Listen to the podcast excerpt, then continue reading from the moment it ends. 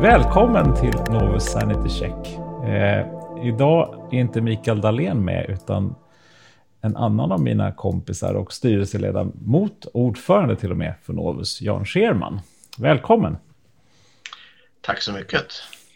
Ja, eh, vi, egentligen så hade jag ju tänkt, det här har jag tänkt att vi skulle gjort för länge sedan, men tiden rinner ju iväg och vi hade mm. nog tänkt att vi skulle ses fysiskt, men det, det får ju bli digitalt nu. Eh, för du och jag, vi brukar ju prata ganska mycket om både högt och lågt och kanske mer om ja, samhället. Varje dag nästan. Ja, precis varje dag nästan, exakt. Det, och och eh, Novus och sådant kräver ju inte så mycket, mycket grejer, men världen gör ju det. Du har ju en så otrolig, fantastisk bakgrund med, med liksom både vd på TV4, men innan dess grävande reporter och Sen har du grävt uppåt högre och högre i samhället på något sätt. Kan inte du bara nämna varför du tyckte Novus var intressant? För att, att du är intressant, det är ingen snack om saken, men... Det var... Oj då. uh, ja, det kan jag göra. Det, var, det är inte så komplicerat. Du och jag har känt varandra länge och jag har känt eh, Novus redan på din pappa Alps tid. Då gjorde vi de första affärerna. Jag var, det var i ett tidigt skede när jag var på TV4.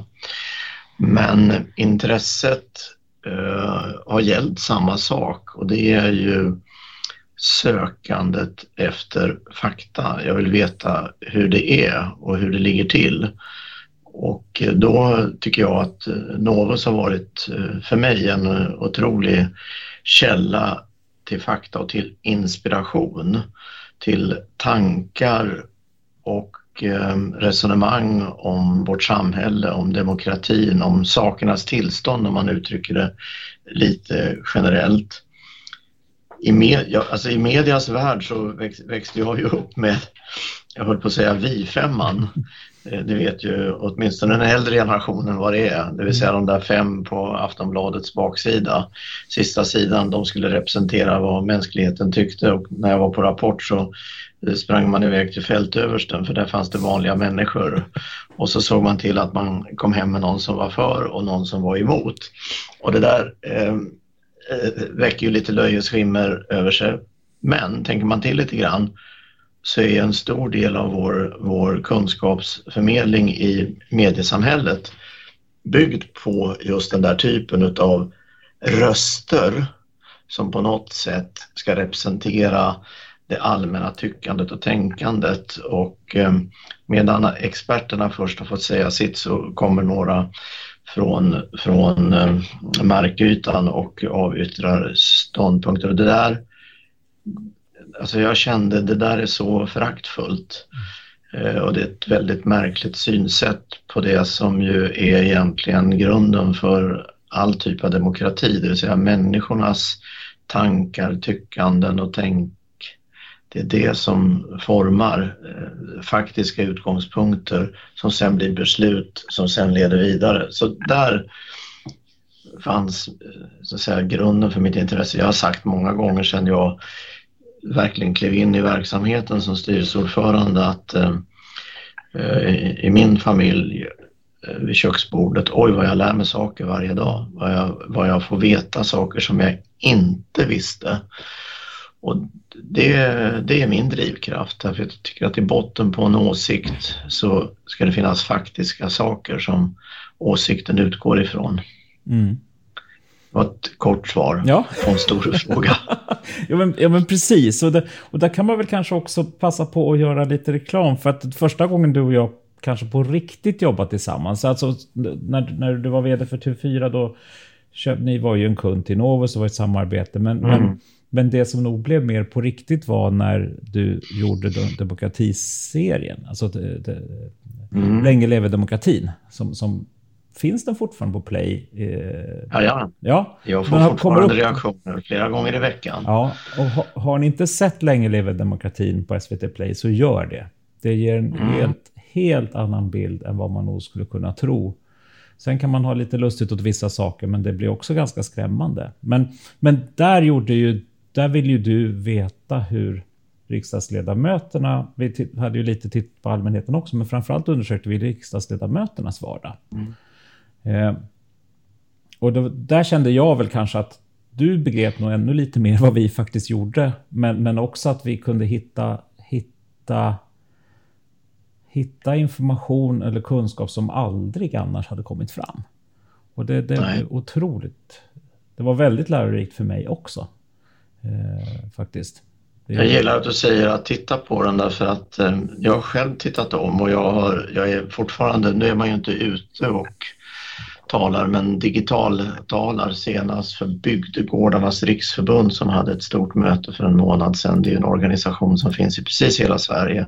En av våra många eh, folkrörelser får man säga och när jag då tog lite statistik från Novus som förmedlades i programmet så blir det, då blir det tyst i den digitala konferensen därför att människor häpnar häpnar över att då, det här är ju nu, ska vi se, programmen sändes våren 2018 så det är ju alltså tre år sedan snart och eh, 19, 20, 21 just det. Och eh, 40 procent av riksdagens 349 ledamöter tyckte då att demokratin eh, är hotad på något sätt.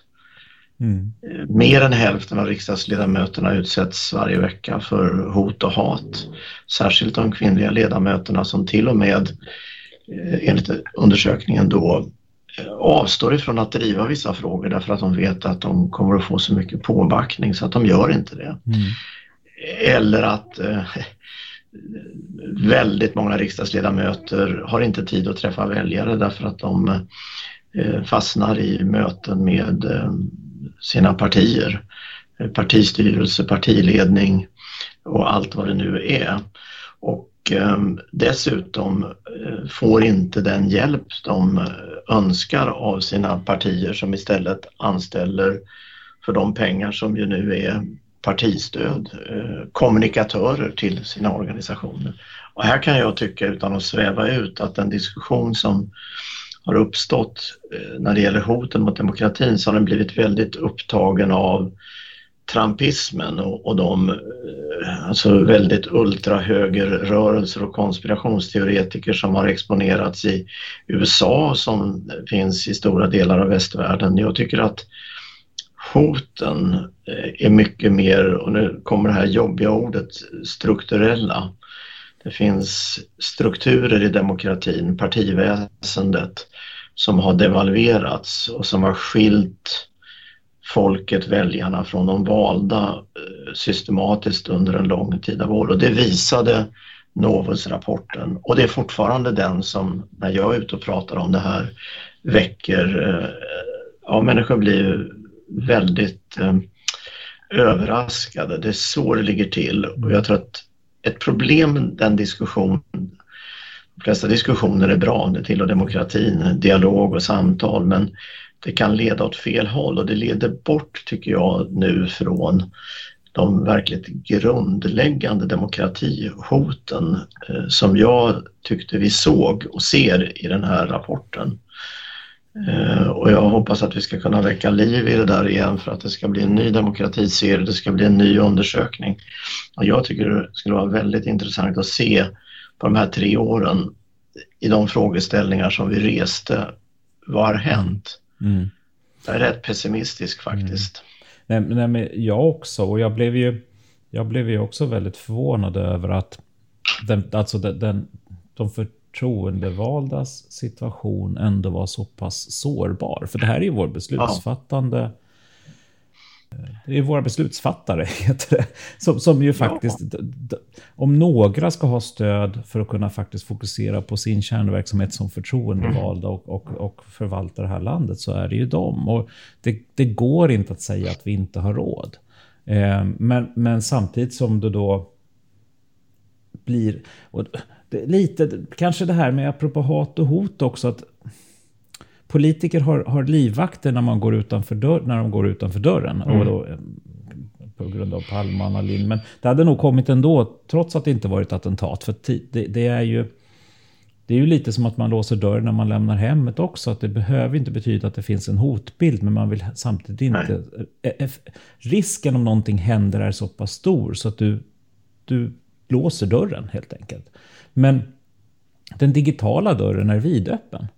Du, Mm. Att du kan mejla till riksdagsledamöter dygnet runt och det når in i deras sovrum, kanske till och med bokstavligt talat via mobilen, är obegripligt för mig. Det, det är en form av naivitet som jag faktiskt inte trodde skulle finnas på 2000-talet.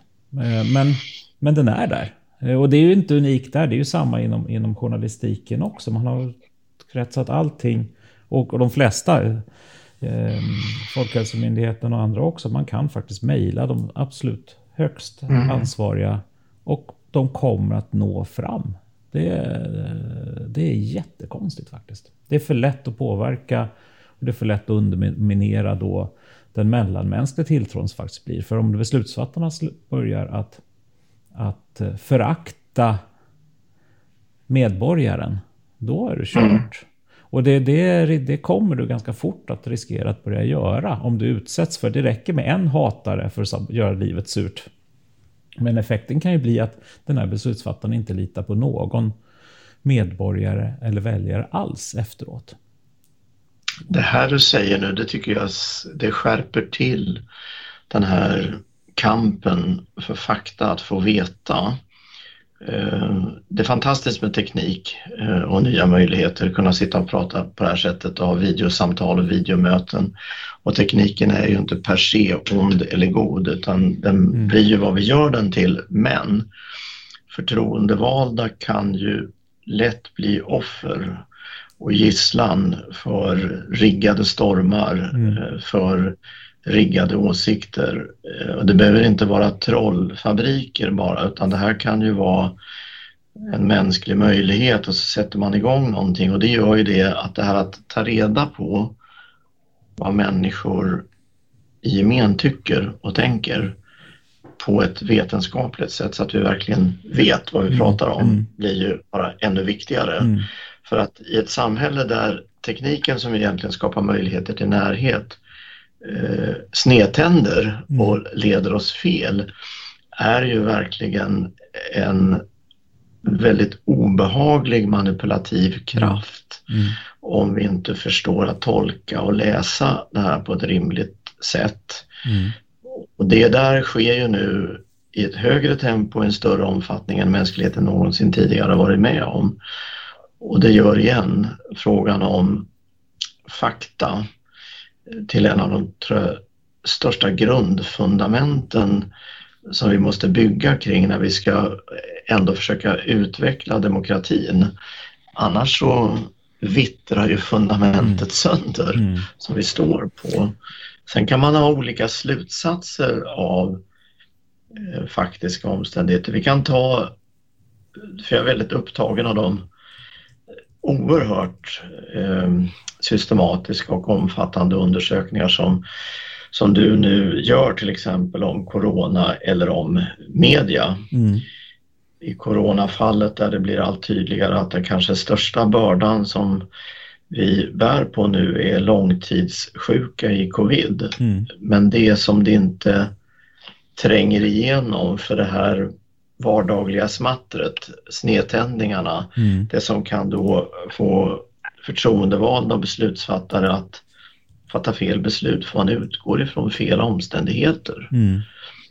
Det är en sån sak. En annan sak tycker jag är mediernas roll i allt detta som då nu har passerat sedan i mars 200 direktsändningar, det är väl 150 drygt hos Folkhälsomyndigheten och ett 50-tal med regeringen. Idag var det, idag var det en igen Mm.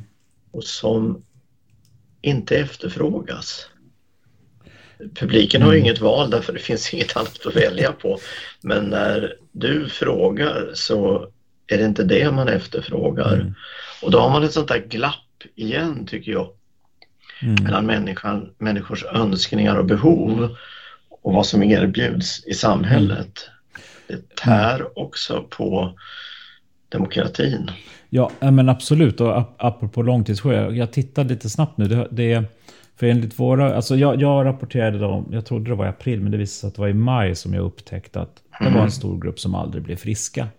Eh, och då hade man gått över de här sex veckorna. Man sa att man som längst kunde vara sjuk. Så nu det blev liksom, det här, det här ser inte bra ut. Och, men man hade insjuknat i mars-april.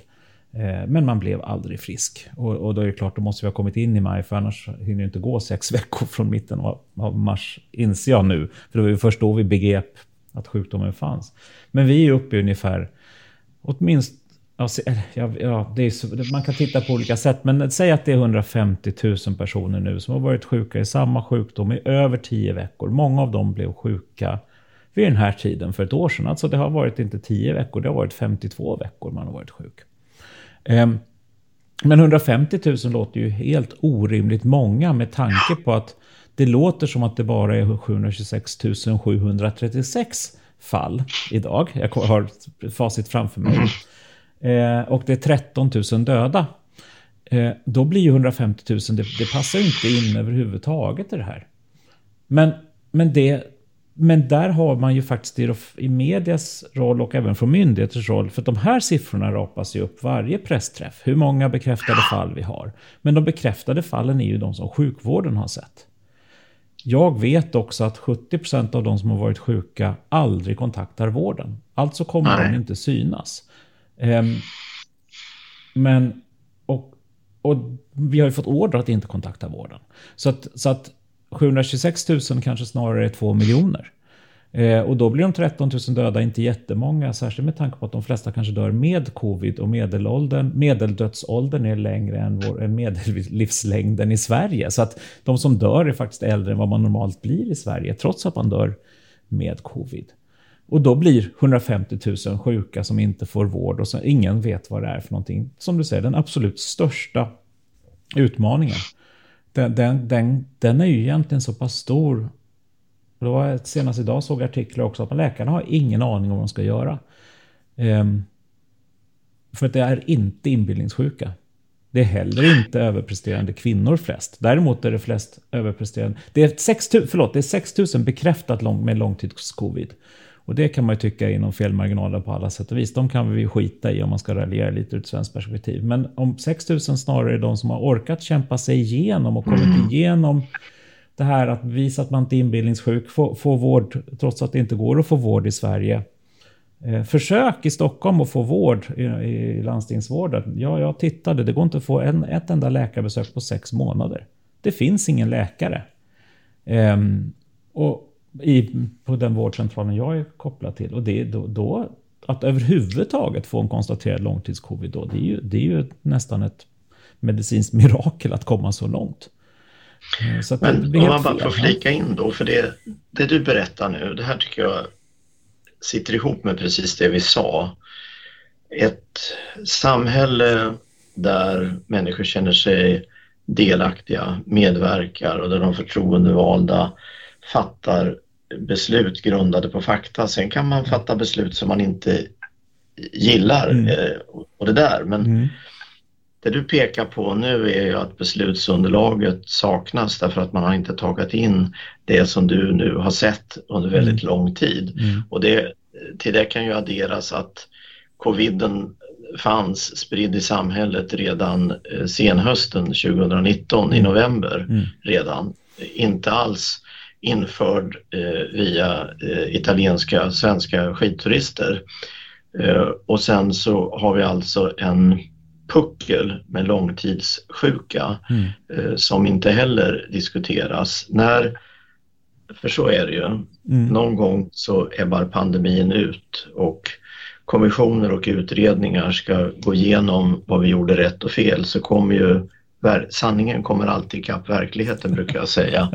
Och då gör den ju det. Ja, men då kommer det att visa sig Precis. att vi visste om en massa problem som vi inte brydde oss om. Vad händer då? Mm. Jo, misstron mot de förtroendevalda beslutsfattarna mm. ökar mm. trots att det faktiskt inte var nödvändigt. Och en fråga blir, tycker jag, på något sätt avgörande. Hur ska den här kunskapsförmedlingen kunna återupprättas mm. i det smatter och den hastighet och det tempo som nu pågår där det är väldigt svårt för mig som mediekonsument att lägga ihop pusselbitarna. Ena dagen är AstraZenecas vaccin helt okej, okay, citat Anders Tegnell. för att nästa dag eh, inte vara okej okay, men då är det en eh, säkerhetsåtgärd som, man, som en, en, en säkerhetsåtgärd som man vidtar och där står jag igen mm. och uh, vet inte vad jag ska tro. Mm. Så men, att ja, men precis, det här ja. vad vi grundar våra beslut på, vad vi vet och varför inte vetskapen når ut är ju, jag tycker att det mer och mer börjar bli ett av samhällets absoluta eh, grundbekymmer, grund, mm. utmaningar för vårt samhälle. Mm. Ja, men, ja men precis, och jag tror egentligen, jag tänkte på en sak um, när, när, du beskrev riksdagens, alltså Novus undersökning kring riksdagen var att kunskapen och faktan kring det och siffrorna kring det har egentligen inget värde utan att sätta sig i sammanhang. Precis som du gör när du visar dokumentären. Man, man, man, börjar begripa vad som är och varför det här är viktigt. Förklaringen. Och det är ju samma sak med det här mm. också. Det, det, är att, att bara följa dödssiffrorna. Det är 13 12 döda idag. Ja, det säger ju ingenting egentligen om inte vi får en förklaring och någon referens och, och kan prata om, om, om, hur det resoneras kring de här frågorna. Men, men det där försvinner ju helt nu. Nu blir det ju som att man jobbar med att bara sprida siffror som faktiskt är missvisande. Ta antal bekräftade fall, alltså då 726 000 ungefär. Det är när sjukvården upptäcker dessa fall. Alltså har du antikroppar och testar det sex månader efter att du har tillfrisknat då kommer den här pinnen att komma sex månader efter att du var sjuk. Men det kommer se ut i statistiken som att du blev sjuk ett halvår senare.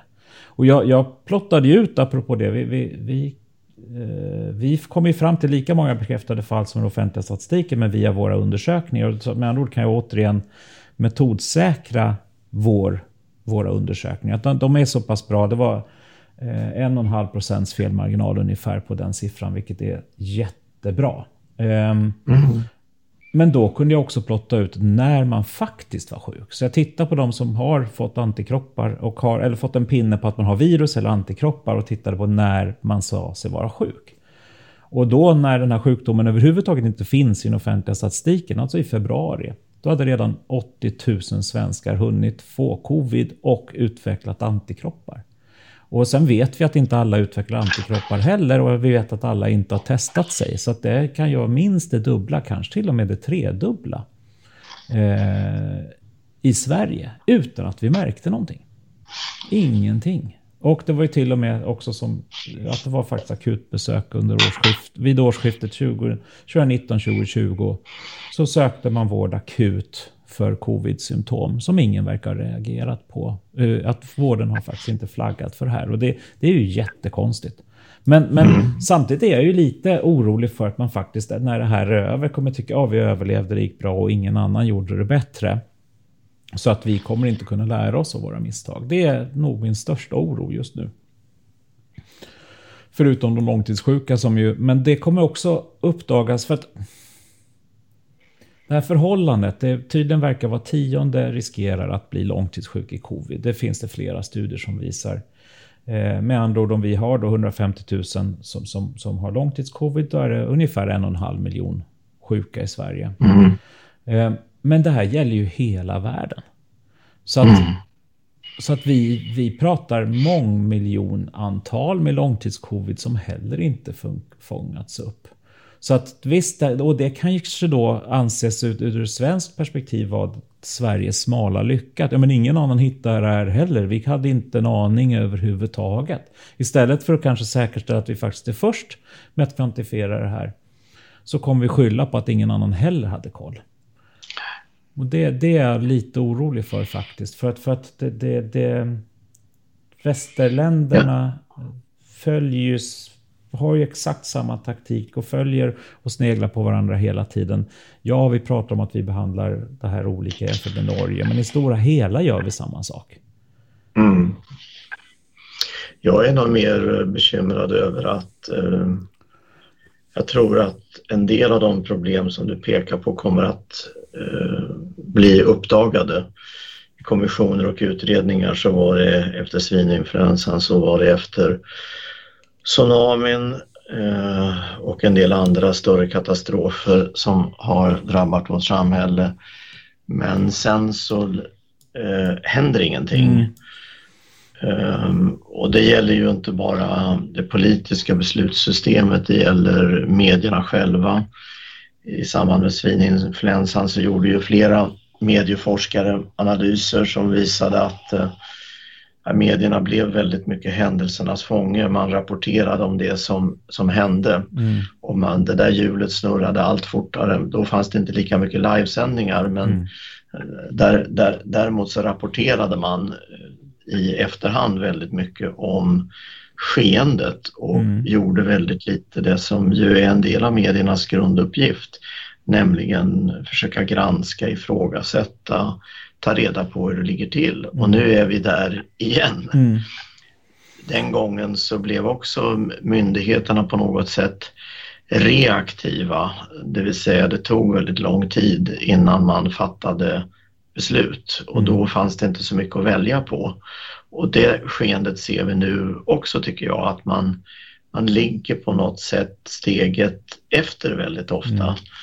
Eh, vänta och se mm. och så blir man, tror man, lite säkrare i, sin besluts, i sitt beslutsfattande. Men vad jag skulle komma till är att jag tror att det där kommer att tydliggöras men jag är orolig för att det inte kommer att slå igenom mm. när det gäller vad vi lärde oss som vi skulle kunna dra nytta av. Och då, jag kommer tillbaka till det här med demokratin och hur demokratin bygger ju ändå på att det finns respekt och förtroende mellan valda och väljare och att vi eh, respekterar dialogen och diskussionen. Men när det här hela tiden drar isär därför att vi får veta saker först efteråt som vi egentligen visste mm. fast det inte trängde ut att man inte är tydlig med att säga vi fattade fel beslut där eller vi hade inte den kunskapen, då ökar ju misstron. Mm.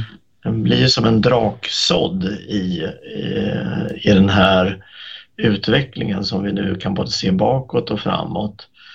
Och eh, jag känner mig lite kampen för fakta och beslutsunderlag och att vi ska öka vetandet den, den, den är ju liksom eh, kompromisslös. Men man kan alltid fundera över tro, optimism mm. och vart det här tar vägen egentligen. Mm. Ja men precis, och, och, det, det, och egentligen handlar det väl kanske, man kan ju, man kan ju hålla på och gapa om ansvarsutkrävande, men, men framförallt så är det ansvarskännande som jag känner är, är oklart. Alltså vilket ansvar mm. känner man egentligen eh, för sin roll och, och, vilket ansvar tar man? Sen behöver man ju inte liksom mm. varken få sparken eller bli utstängd eller någonting om man, om man misslyckas. Men viktigast är att man faktiskt tar ansvar. Och, mm. och, och tar ansvar för handlingar som utgår från, från verkligheten. Och det, det, det, jag tycker det börjar bli konstigare. Det slog mig för några veckor sedan att jag aldrig hört någon... När, när, när vi får höra från regeringen att vi måste sköta oss, för vi sköter oss inte. För fjortonde gången i rad. Så, så har jag aldrig hört frågan, ja, men vad har ni för underlag för att vi inte sköter oss? Ehm, mm. Um, och, men jag såg på vad, vad det Region Stockholms ansvarige sa nu för någon vecka sedan att han, han, fick väl antagligen frågan då, för det var första gången jag såg det. Och då sa han, jag har sett själv och vänner till mig har rapporterat om att det har varit trångt. Det var liksom anledningen och beviset för, alltså en ytterst ansvariga på Region Stockholm, att vi som folk inte sköter oss. Och, och det på något sätt blir att man inte har begripit pandemin, trots att man är ytterst eh, medicinskt ansvarig antar jag då också för, för ganska stor del av Sveriges befolkning, är ju att det viktigaste är ju att majoriteten sköter sig. Man behandlar ju den här fortfarande som att det är någon form av terrorattentat. Att, att det är mm. självmordsbombaren covid-viruset som springer omkring.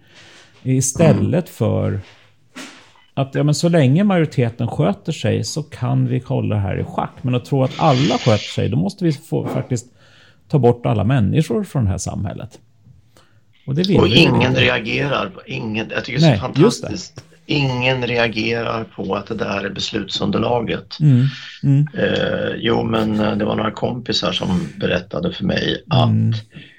Och jag kan få en väldigt kuslig eh, känsla i kroppen som har att göra med hur enkelt det då blir att med ryktesspridning mm. eh, påstå saker mm. som sen leder till att man vidtar åtgärder mm. Och lägger Exakt. restriktioner och regler i ett samhälle fast man inte mm. egentligen har en aning om Nej. Är det här representativt?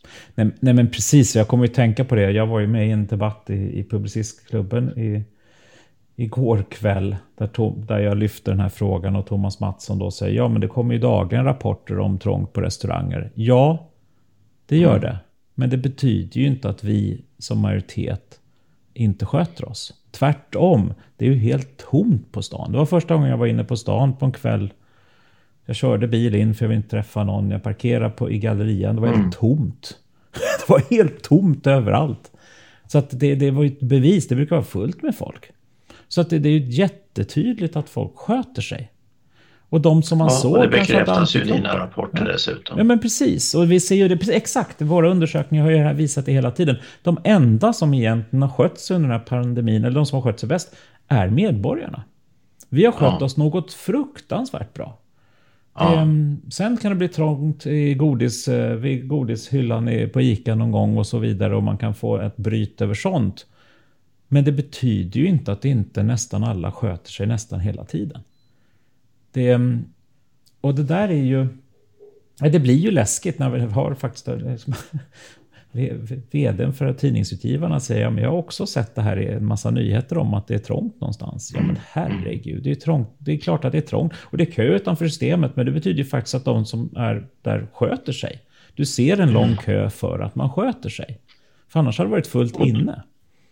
Och då kommer man ju in på, för jag lyssnade på den här diskussionen eh, som du refererar till och då, jag har ändå varit i mediebranschen i ganska många år, eh, ett antal decennier och kan känna igenom ett fenomen som jag tycker blir mer och mer eh, starkt, eh, det vill säga man tillstår aldrig att man har stått inför svåra arbetsuppgifter och eftersom man inte gör det så tillstår man inte heller att man gjorde felbedömningar. Mm. Och det där känner ju inte människor igen som då konsumerar medier.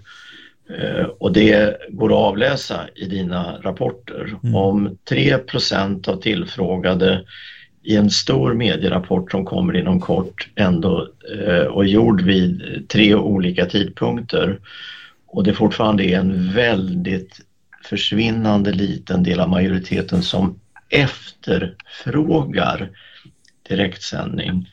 Då blir mediernas svar, det är många som tittar. Mm.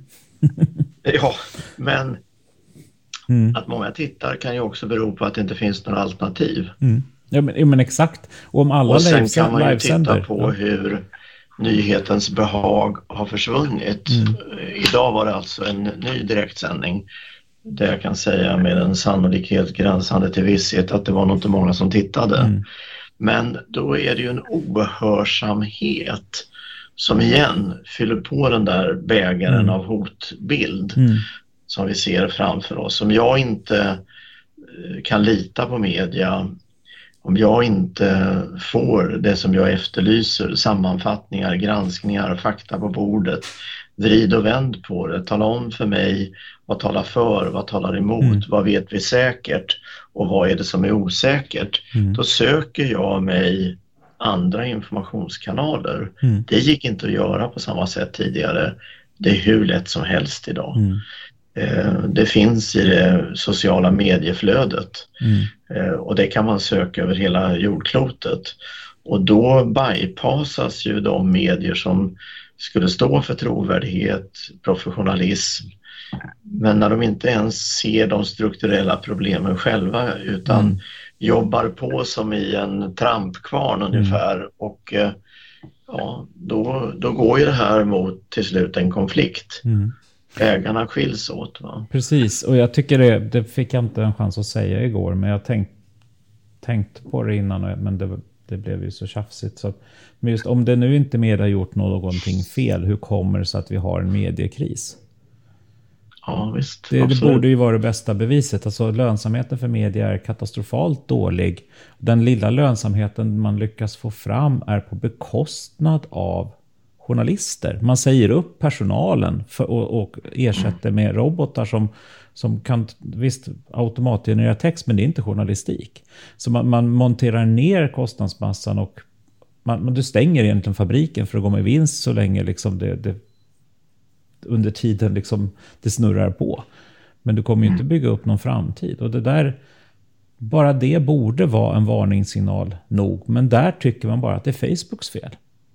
Hade inte Facebook funnits så? Ja men herregud, ja hade inte tryckpressen funnits så hade det funnits en helt, ny, en, en helt annan typ av generation av marknad. Men, men så där kan man inte hålla på. För den delen räknar jag på Facebooks annonsroll så kan inte jag se att en Alltså, det är inte Facebook som har tagit pengarna från media. Det är media som har tappat bort pengarna. Sen har råkat kommit in nya annonsörer som är småföretagare som säljer slöjdade knivar och grejer som, som är annonserar på Facebook. Men de hade aldrig annonserat i dagspressen. Nej.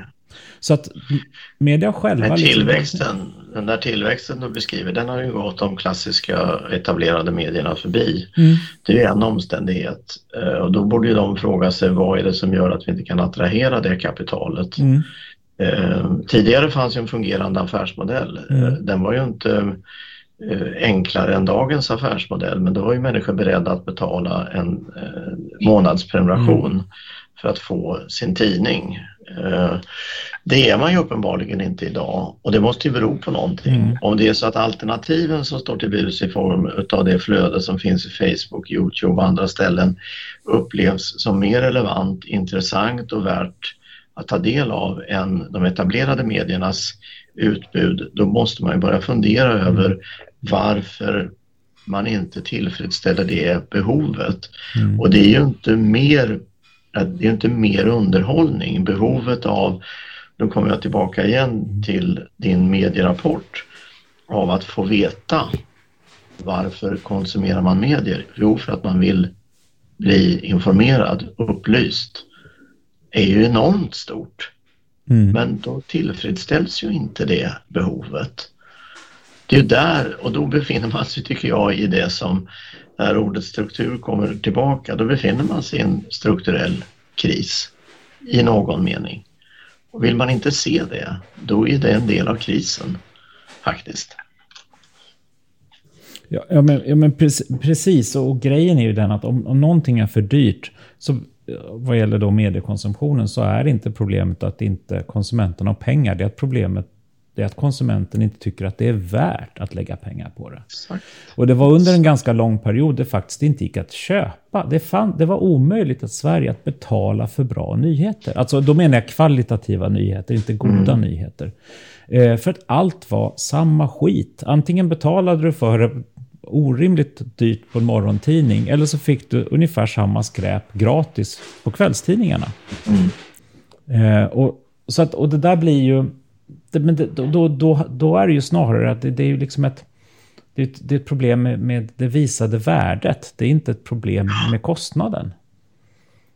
Så att det, utan det är, betalnings, det är betalningsviljan som faller. Det, är, liksom, det, är...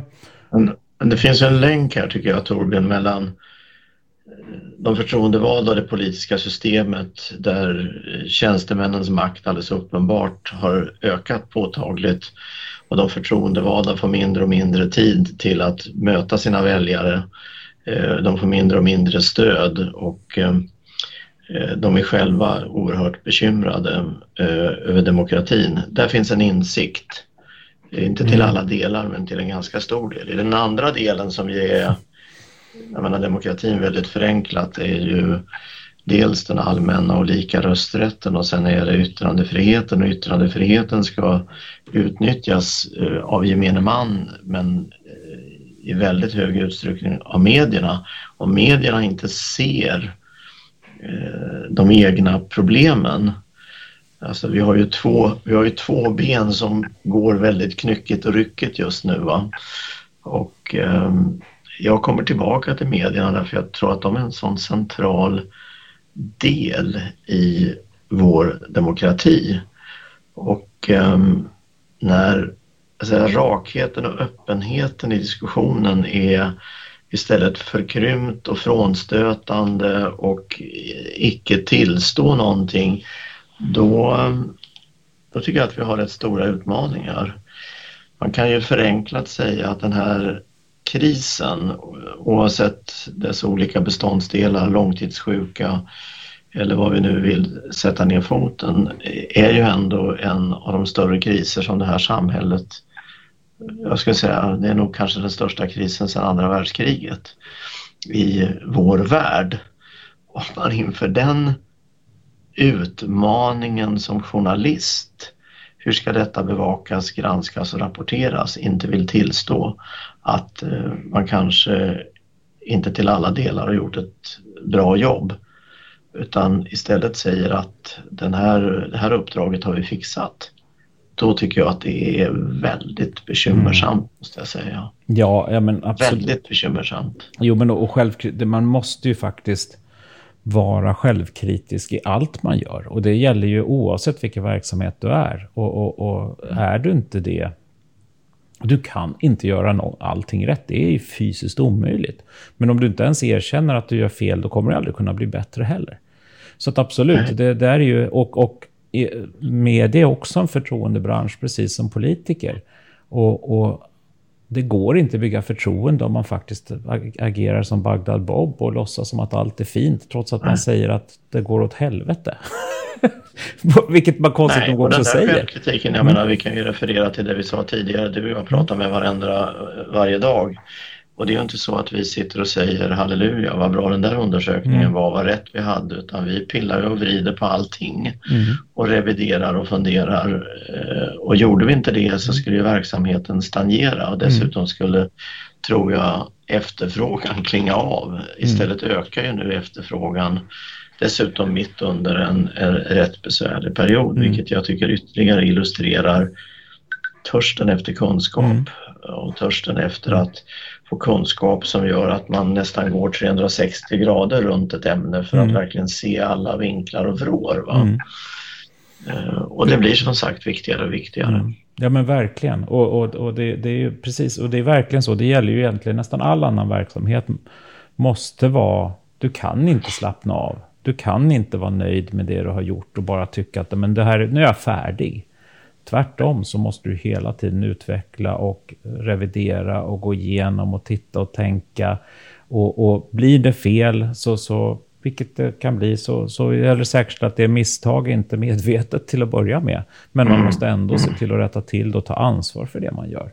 Och det där gäller ju all, alla branscher. Det vore ju helt orimligt om inte media också hade de utmaningarna. Men konstigt nog syns det inte. Och jag kom på en sak, apropå, jag bara kände att man måste prata om det, för du jag pratar om det ganska mycket, och det är att jag tror vi båda anses vara lite av surgubbar. Eller hur? Ja, eh, jo då. Eh, det, det, du, ibland, det brukar...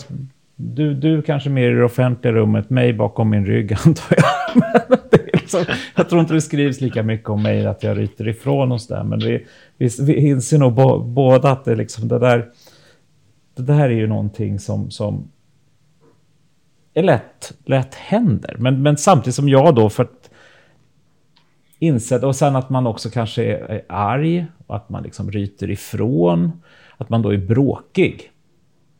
Eh, och att jag tror att folk nog har varit ganska rädda för dig under åren också. Även om jag inte begriper varför, för att jag har fått höra det här. Jag, jag har väl inte pratat om det och jag, men jag inser det. Jag har hört det där lite och tänkt, men vad då är det samma Janne? Men, liksom, men... Det här är intressant. Ja. Det här är intressant alltså. Men samtidigt som jag egentligen, jag ser ju bara någon, en, fast det är väl också för jag är likadan själv. Jag tror att, jag vet att konkurrenter, vi skulle rekrytera någon från en konkurrent. Men, men den personen vågade inte förrän den personen hade träffat mig. För att jag verkade vara helt galen. Och sen så, oj, du var ju trevlig. Um, men det är ju för att man bryr sig. Och bryr man sig så kommer man att säga obekväma saker ibland. Jag håller med dig. Alltså, jag tycker bara att det är så fascinerande. Jag har ju också hört en del om dig och mm. Eh, att, du, um, in, att, att du är envis, bestämd, besvärlig. Och jag har ofta funderat över Ja, så kan man naturligtvis uttrycka det eller så kan man säga passionerad. Mm och drivs av en övertygelse om att eh, eh, undersökningar ska genomföras på bästa möjliga vetenskapliga säkerställda sätt och det mm. är du beredd att gå i döden för att försvara. Mm. Och vad vore vårt samhälle i så fall utan de här brinnande eldsjälarna? Och det är klart att jag, jag, menar, jag kallades av, av min företrädare som sen hamnade som styrelseordförande för bolagets Latino mm. för att jag var så hetlevrad och, eh, eh, jag, och det där tror jag att jag har fått redan från min uppväxt därför att i det hem där jag växte upp där, där diskuterades det högt och lågt och mm. ganska vilt mm. och med ett högt tonläge och jag sa väl som barn förtvivlad många gånger till pappa och mamma att de skulle sluta bråka. Mm. Men då fick jag till svar att de diskuterade. och eh, det där har väl våra barn sagt här hemma också. Mm. Och jag tror att det där är... Jag har kallat mig själv i någon debattartikel för att jag inser att jag är en gnällig, vresig gubbe. Men mm. då tänker jag förbehålla mig rätten att fortsätta att vara det. Därför att om vi inte verkligen kan fortsätta att ha det öppna visiret mm. i diskussionen, då går ju någonting förlorat. Mm. Uh, Men, och då kommer ett nytt språk upp. Jag ska bara ta ett exempel. Ja. Häromdagen så sa socialministern apropå vaccinstrulet att uh, det här kan betyda att vi får ändra målbilden. Mm. Slutcitat. Ja. Om jag hade varit i ansvarig ställning så hade jag inte uttryckt mig på det sättet utan jag hade väl förmodligen svurit och sagt mm. det är för jävligt men eh, mm. nu kommer inte vi att nå mm. det vi har lovat. Mm. Eh, det kraschar tyvärr. Mm. Eh, för det betyder ju det mm. förmodligen. Om det sen berodde på att man satte upp för eh, orealistiska mål i början eller inte, det kan vi diskutera länge. Men det här sättet att uttrycka sig jag brukar ibland kalla det för verbal varmluft. Mm. Eh, sluta med det nu mm. utan säg, säg precis i all enkelhet som det är. Mm. Jag misslyckades eller att jag tycker att du gör fel. Mm. Diskussionen igår igen för tredje gången när jag hör att du försöker ta upp den här tråden med livesändningar så får du till svar att det i stort sett är undersökningen det är fel på. Mm. Ja, den var ju bluff. Ja. Det var ju människorna som mm. fick svara på vad de efterfrågade. Mm. Men det, det, en annan reflektion kring det där med vresigheten är ju, det här är ju på något sätt eh, en ganska klassisk eh, härskarteknik egentligen. Va? Mm. Eh, jag bryr mig inte om dina argument Torbjörn. Men jag vill säga att du är, du är väldigt aggressiv mm. och vresig. Mm. Och då pratar vi om det istället för sakfrågan. Och så mm. har jag känt många gånger att eh, och nu blir du så arg. Mm. Nej, jag, jag, jag, rasar inte. Det kan ju vara kul att också veta att jag tackade nej till den här diskussionen som du var med i. Därför att eh, den som pratade med mig just sa att det blir bra och du är alltid så arg och det, mm. blir, det, det blir gärna bråk då och det, mm. det vill vi ha. Mm. Nej, den vill inte jag spela. Mm. Nej, nej men precis. Om det är så att när man talar med hetta och passion då rasar man och är arg och trycker ner andra och eh, det får ett stort underhållningsvärde men vi struntar i innehållet. Mm. Jag tror vi måste höja ribban för tolerans kring hur vi faktiskt är. Mm. Men, men, precis, och en sak som jag också har tänkt på. För att alltså, om, om man då tänker att man är liksom en surgubbe, bråkig och den typen av liksom epitet. Så tror man också att man faktiskt aldrig kan erkänna att man har fel. Men det är liksom, jag tycker att du har inga problem med att erkänna de få gångerna du har fel. Men du är prestigelös utifrån det perspektivet. Och jag inbillar mig att jag är samma sak också. Jag har inga problem att erkänna om jag har fel. Och det går ju också... många sådana diskussioner, så det är lugnt. Ja. Nej, men när man kommer på att man har tänkt fel. Jag om alla misstag som skapade min karriär. För ja. det kan man ju också säga att eh, de gånger som man har gjort fel och stått för det mm. så tycker jag det är tillhör livets stora lärdomar. Mm. Mm. Och jag har lärt mig otroligt mycket genom mina misstag. Tyvärr inte lika mycket genom det som man förmodligen också lyckades göra rätt. Och det är ju därför också som den här, eh, jag skulle kunna vända på det här som du säger om vresigheten och säga att det är en härlig frisk fläkt av engagemang och passion som, mm. som behöver injiceras i de flesta diskussioner och debatter. Då skulle vi nå mycket längre tror jag. Mm. Mm.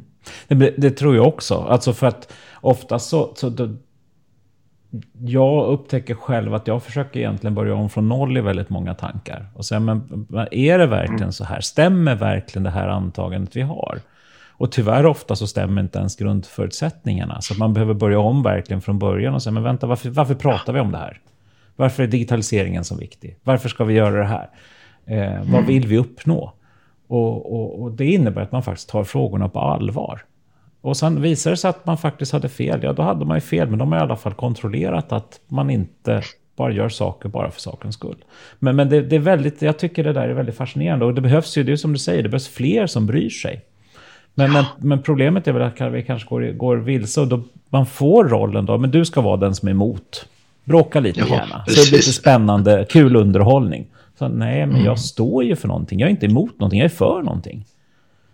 Eh, det är ju faktiskt det, och det här går ju att spåra långt, långt tillbaka. En stor forumdiskussion som jag plötsligt bara kommer att tänka på som handlade om public service. Vi var väl 15 till 20 stycken personer som satt uppradade på bänkar i något tv-program mm. och eh, DNs eh, före detta, före detta kulturredaktör eh, deltog och mot slutet av programmet så begär han ordet och så säger han väldigt bra regisserat allt det här.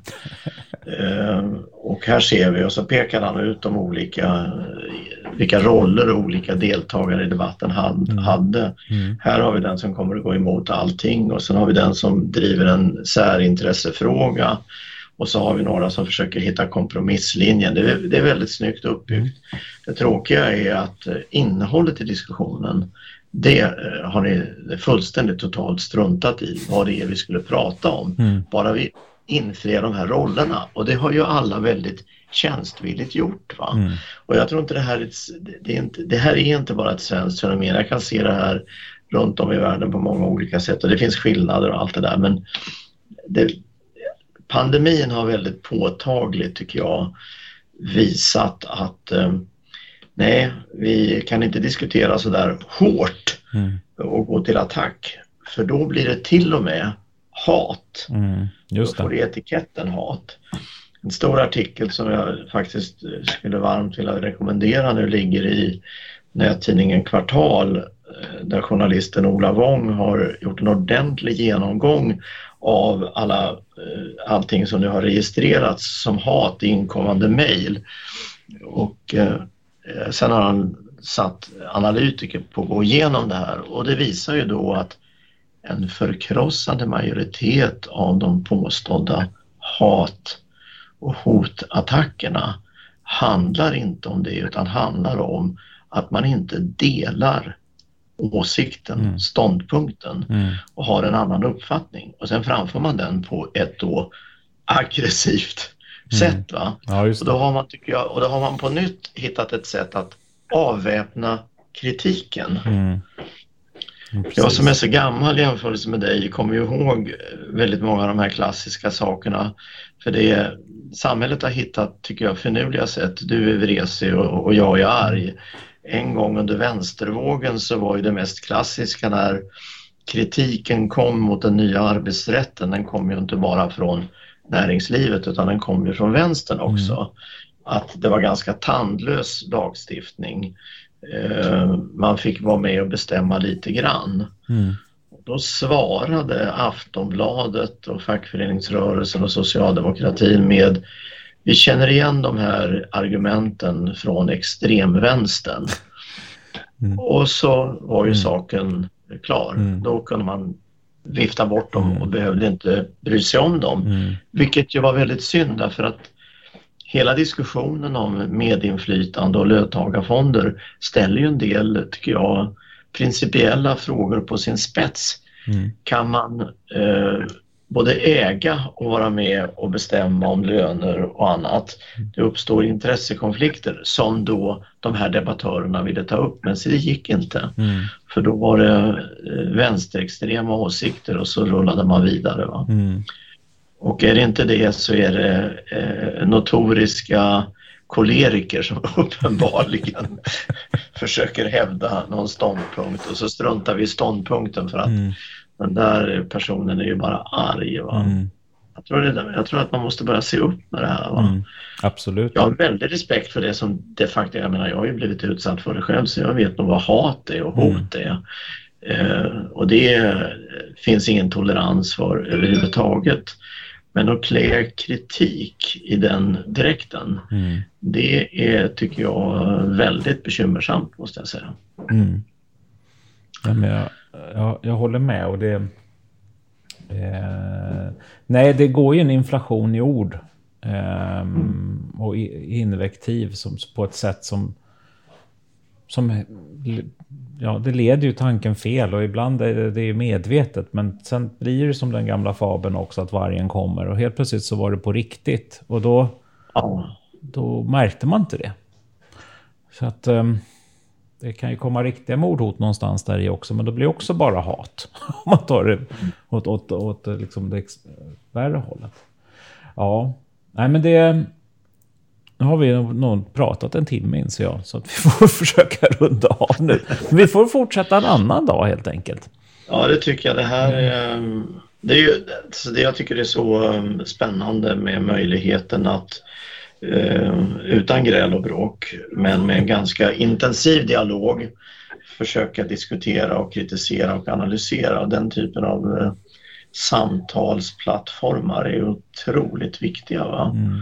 Jag skulle bara vilja säga, eftersom vi började med det, varför jag ville vara med i Novus verksamhet och jag tror inte det kan sägas för ofta. Ett samhälle som utvecklar modeller för att fatta beslut på rykten, fördomar, eh, plötsliga infall och åsikter.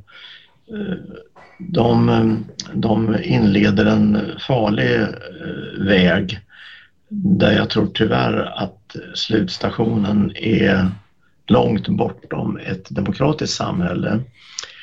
Demokratin, den före talmannen i riksdagen, Urban Ahlin, som var med i våra program, eh, pratade jag mycket med. Oerhört bekymrad.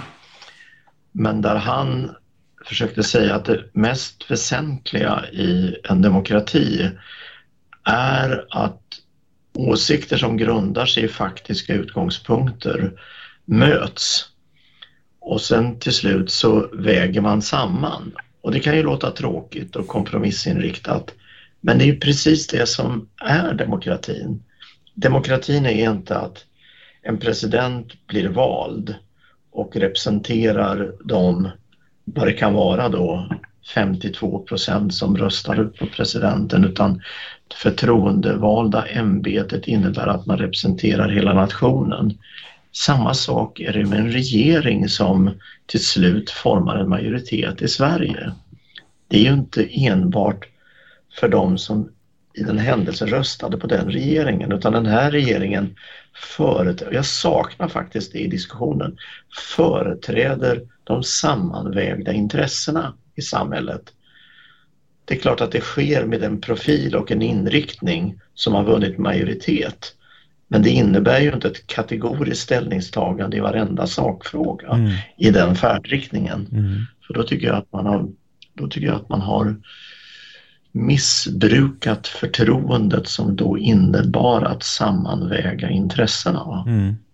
Absolut. absolut. Nej, men jag, jag, jag, håller med dig. Och just kompromisserna och, och komplexiteten behöver ju komma fram lite mer. Att det är å ena sidan kan det vara så, å andra sidan det kommer så. Det är först då egentligen värderingarna kan ha en utslagsgivande Absolut. roll.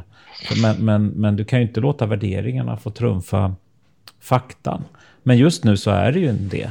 Man bryr sig inte om hur samhället ser ut, man, man, utan du, du, utgår från värderingen och sen så lägger du på det spektrat på och tolkar fakta, eller väljer fakta som passar med dina värderingar. Och då har du ju Mm. urholkat hela medborgarnas förtroende.